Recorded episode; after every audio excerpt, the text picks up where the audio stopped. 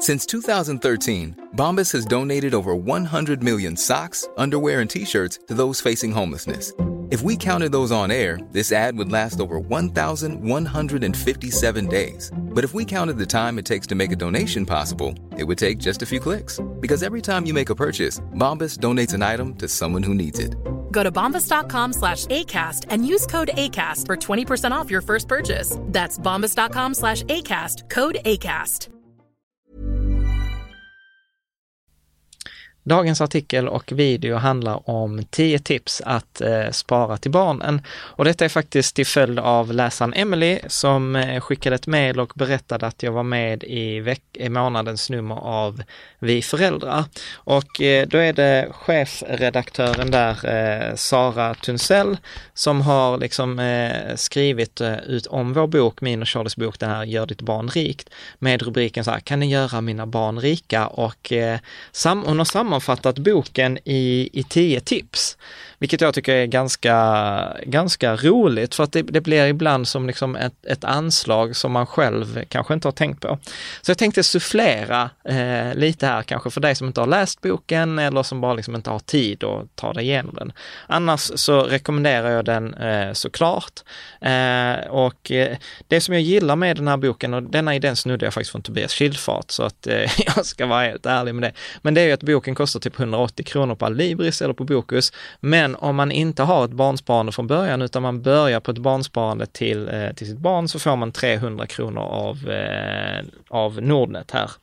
Eh, så att man går faktiskt plus på att köpa köpa boken. Tyvärr gäller det inte dig som redan har ett sparande hos Nordnet. Man, man kan inte få allt. Men i alla fall, Eh, så det första som eh, då Sara skriver om är att, eh, att man bör, hon skriver så här, därför ska man spara till barnen om man kan.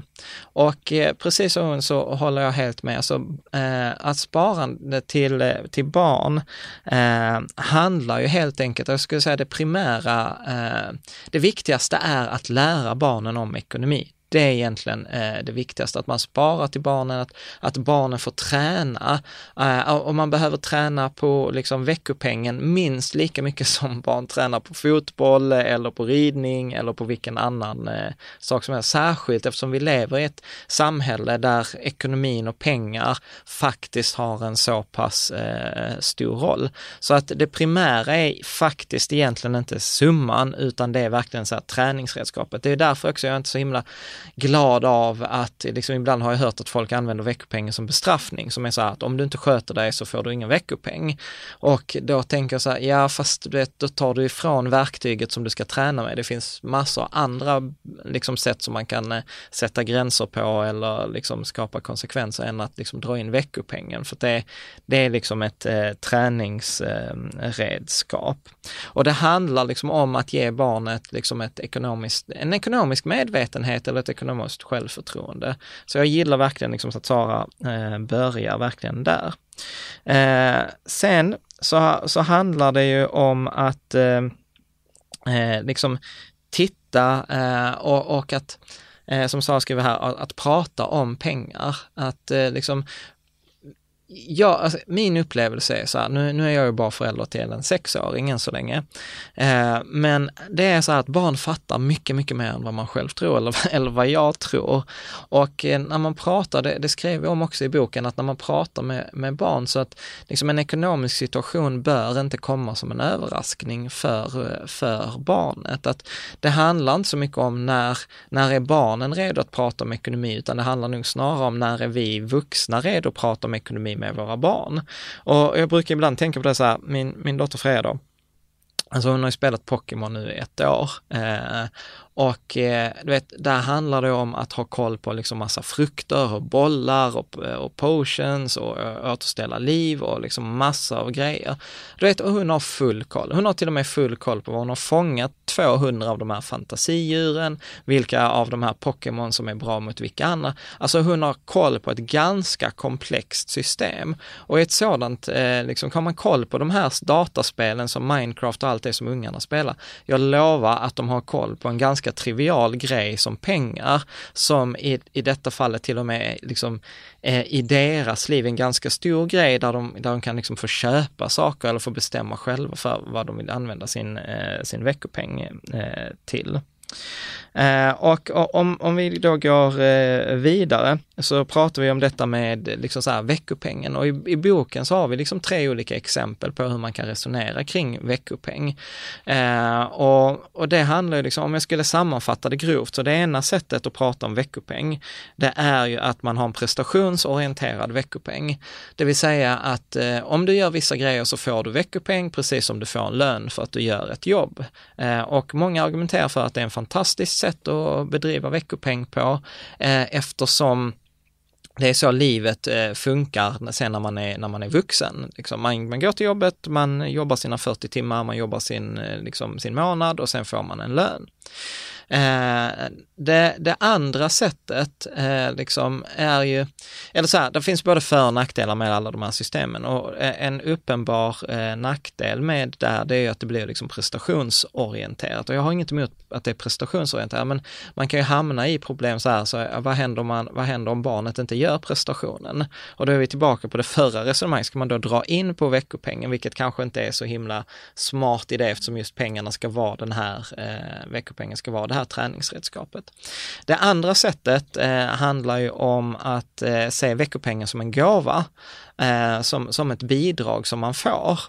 Eh, och eh, där är liksom också fördelar med det där, det är ju att man får de här träningsredskapen. Nackdelen är ju att man kan hamna i en situation, eh, liksom, att det kanske inte motsvaras som det är i livet. Eh, och och jag själv tycker liksom så här att en kombination är väl det bästa, det skriver vi mycket om i boken också, att, att ha en del av veckopengen som är en gåva och ha en del av veckopengen som är liksom knuten till en prestation. Så försöker vi i alla fall göra med eh, Freja rätt ofta, att liksom så här att hon får en, viss veckopeng, i detta fallet får hon 20 kronor i veckan eh, och eh, sedan vill hon köpa någonting som kostar mer, vilket ofta händer när man, när man är på BR så är det typ inget idag som kostar 20 kronor kronor. Och då ger vi alltid henne så här möjlighet att hjälpa till i trädgården, eh, liksom Freja, och, och liksom uppmuntra hennes egna förslag. Så en av grejerna som Freja faktiskt har gjort på sistone, det är att hon har bjudit eh, mig och Caroline på spa. Så då har hon tänt ljus i badrummet och satt, tagit dit två stolar och satt på sin CD-spelare med sina låtar och, och sen så får vi gurka på ögonen och, och så får vi betala 20 kronor inträde. Så att eh, det är liksom så här, men det, det, är det viktigaste för mig Karolina, det är att vi uppmuntrar den här kreativiteten. Och det är väl egentligen den tredje typen av veckopeng eh, som vi tog det här exemplet från en kille som hade skrivit en rätt lång artikel på medium.com som handlade om att han ville uppmuntra entreprenörskapet hos sina barn, att hjälpa dem liksom se problemen och komma med en lösning eh, på de här. Och det är lite som Charlie sa i boken också att när ett barn önskar sig någonting så kan man eh, förstöra det på två sätt genom att antingen ge dem det eller säga nej nej det går inte. För att då har de liksom inte lärt sig någonting i något av de två fallen. Så det bästa är naturligtvis att göra det på något sätt där barnet får träna, alltså verkligen träna, träna, träna, att säga så här, okej okay, men jag bidrar med hälften och du får bidra med hälften. Eh, min gode vän Lennart gör också så med, med sin son eh, kring sparande. Han säger så här att om du sparar en krona så sparar jag en krona till dig också. Så att det handlar om att hela tiden liksom så här, putta ut dem på spelplanen, träna, träna, träna träna och låta dem våga misslyckas, eh, vilket är liksom jätteviktigt. Och det är mycket bättre, jag tror det var Tobias Schildfart som sa så, det är mycket bättre att man misslyckas med en, eh, med en hundralapp än att man misslyckas med liksom en månadslön eller en, en miljon i arv. Så, liksom så här, det är lite som den här klassiska Silicon Valley, liksom så här, fail fast. Ska du misslyckas, gör det fort, gör det när det inte betyder så himla mycket så att du får med dig lärdomarna längre fram. Eh, det tredje tipset eh, här som eh, Sara sammanfattar det i, då säger hon så här, alla ska inte spara till sina barn. Och det där, alltså det är svårt att säga att man håller med när man själv har skrivit boken. Men det viktigaste skulle jag säga är att först har du ett eget sparande till dig själv. Det är samma sak som innan du börjar spara i nybörjarportföljen eller något sånt. Se till att du har en sparad summa själv, alltså ett buffertkonto. Det är jätteviktigt. Alltså, det kommer gå bra för barnen även om du inte sparar till dem.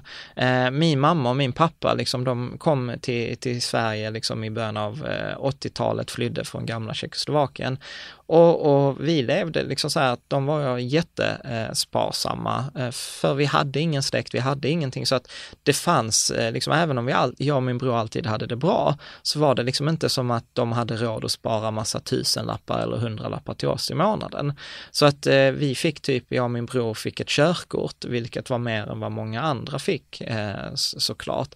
Men det, det är ju ingen grund för att om man inte har sparat då är det kört för barnet. Det har gått ganska bra för mig och jag vet att Charlie var i en liknande eh, situation. Så att eh, grundregeln är så här, spara till dig själv först innan du börjar spara till barnen.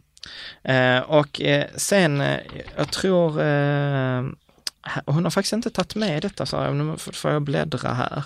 Ehm, ja, och det är så här, spara inte för mycket.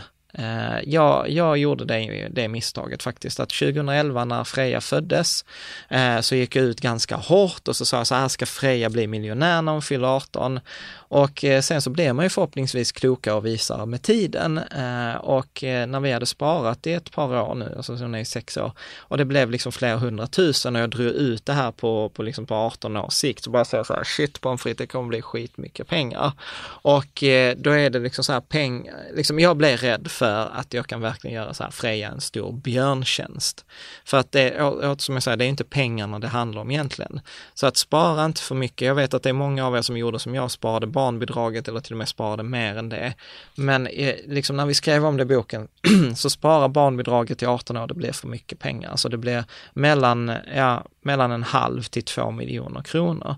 Och eh, då har liksom återigen, då är vi i situation där antingen liksom att man ger allting till barnet och det har inte liksom gjort någonting själv, det har inte fått säga den här, få det här åstadkommande, jag var med och gjorde detta själv. Så vi konstaterade någonstans när vi har pratat med massa experter så kom vi fram till att typ 200 000 eh, var ju någonstans en ganska rimlig eh, summa. Eh, och, och anledningen varför säger jag rimlig summa, för då räknar vi att dess pengarna ska räcka till liksom en del av kontantinsatsen på, på ett nytt hus, nej, inte hus, på ett boende efter, efter gymnasiet eller liksom när man flyttar hemifrån. Det räcker till att liksom hjälpa till med studierna, hjälpa till med körkort och lite sådana saker. Och sparar man då under 18-årsperiod och man ska göra en statistisk beräkning så kan man säga att då räcker det ungefär med 400 kronor i månaden eh, att spara för att komma upp i en summa på runt 200 000. Och sen återigen, eh, som jag sa precis här, jag fattar att alla inte har möjligheten att spara 400 kronor i månaden, men då spara liksom, spara först till dig själv och sen har du en bit över så, så spara till barnen. Det fjärde tipset eh, som eh, Sara pratar om, det är ju det här eh, spara och slösa borde ha en syster investera.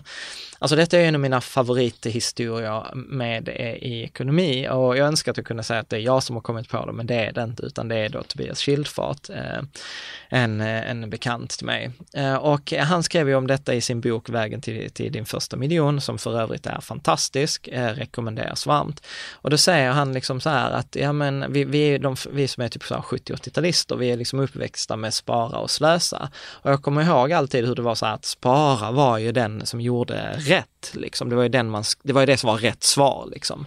Men sen så minns jag också hur jag alltid tyckte så här, men, men Slösa, hon verkar ju ha mycket roligare. Eh, och, och, så fattade jag så här, nej men det är fel. Och då sa, då sa när jag pratade med Tobias om det här, så sa han så här, men du John, det är för att du har missat att det fanns en tredje lilla syster ursäkta, lilla syster investera.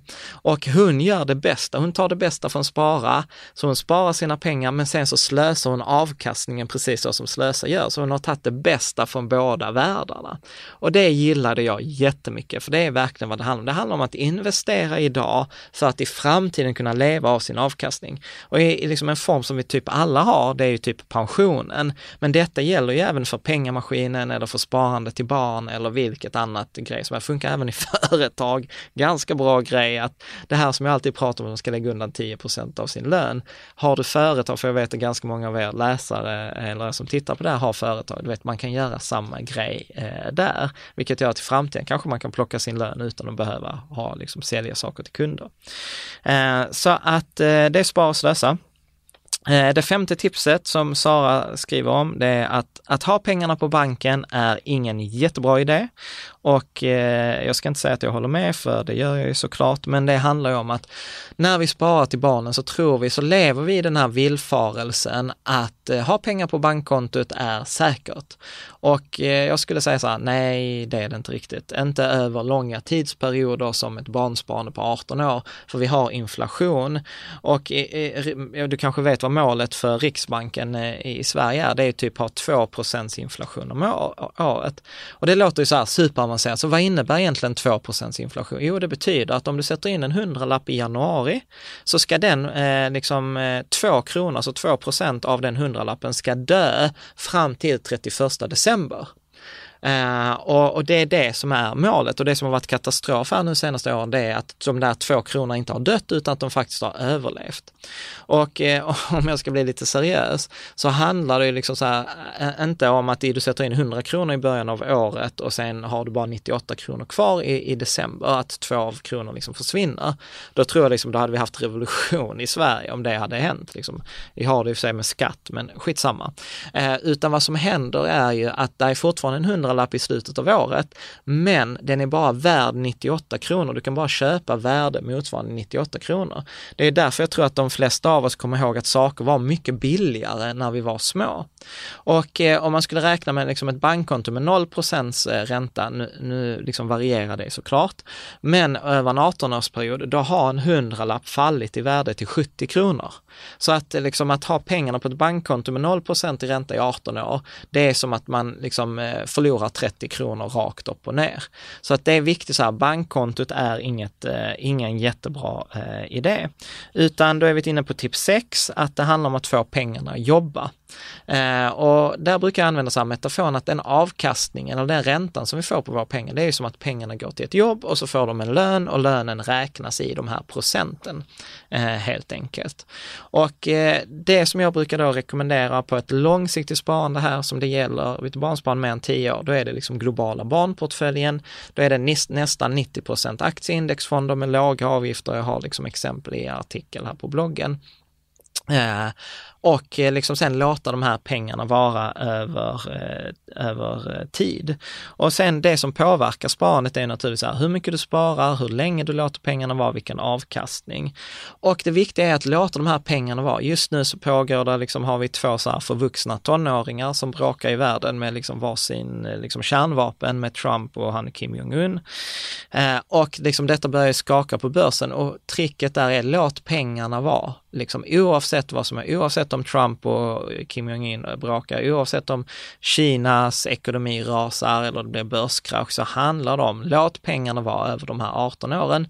Månadsspara regelbundet, det är bland det, liksom det bästa eh, man kan göra.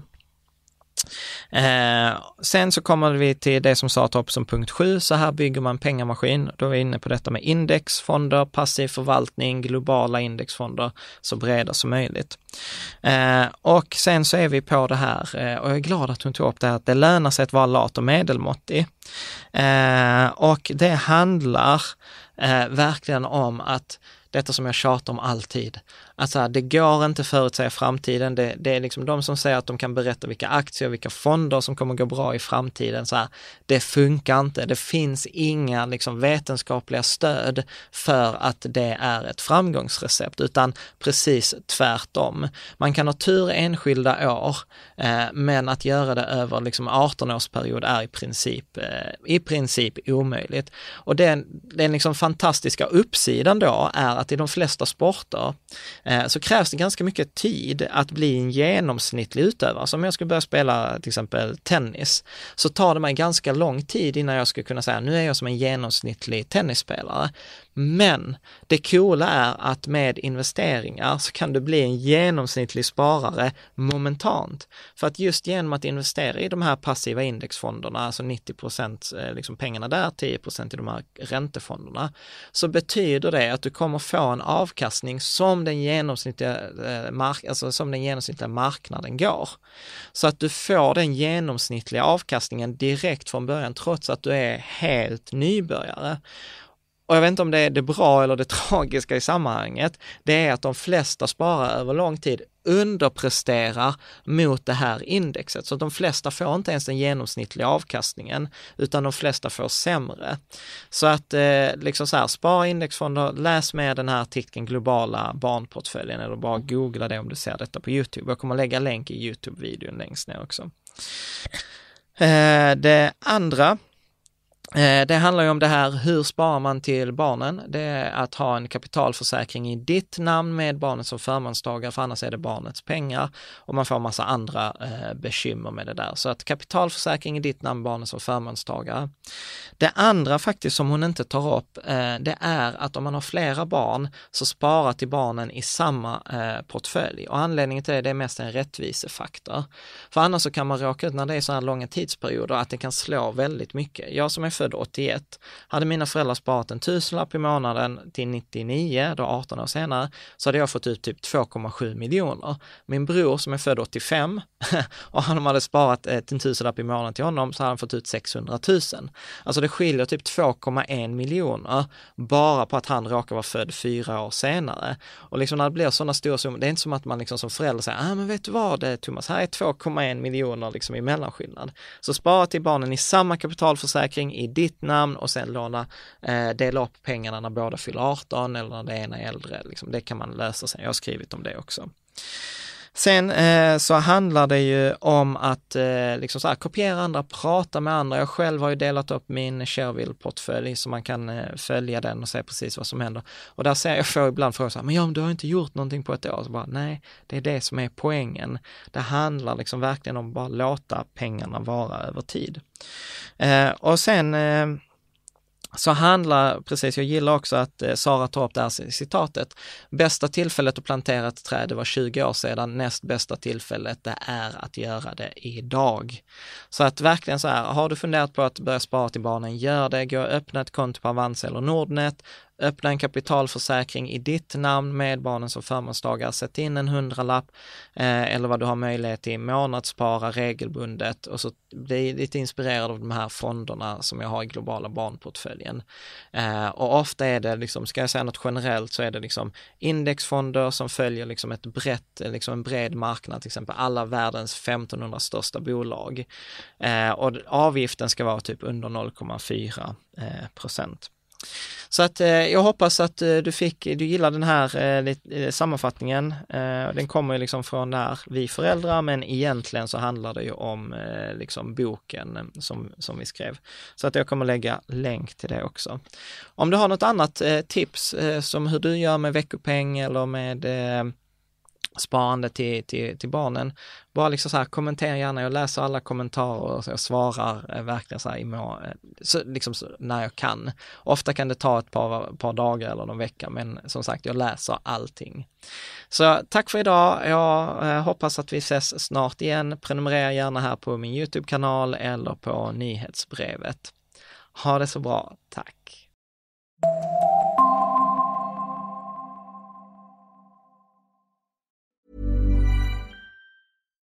Botox Cosmetic, out of botulinum toxin A, FDA approved for over 20 years. So, talk to your specialist to see if Botox Cosmetic is right for you. For full prescribing information, including boxed warning, visit BotoxCosmetic.com or call 877-351-0300. Remember to ask for Botox Cosmetic by name. To see for yourself and learn more, visit BotoxCosmetic.com. That's BotoxCosmetic.com.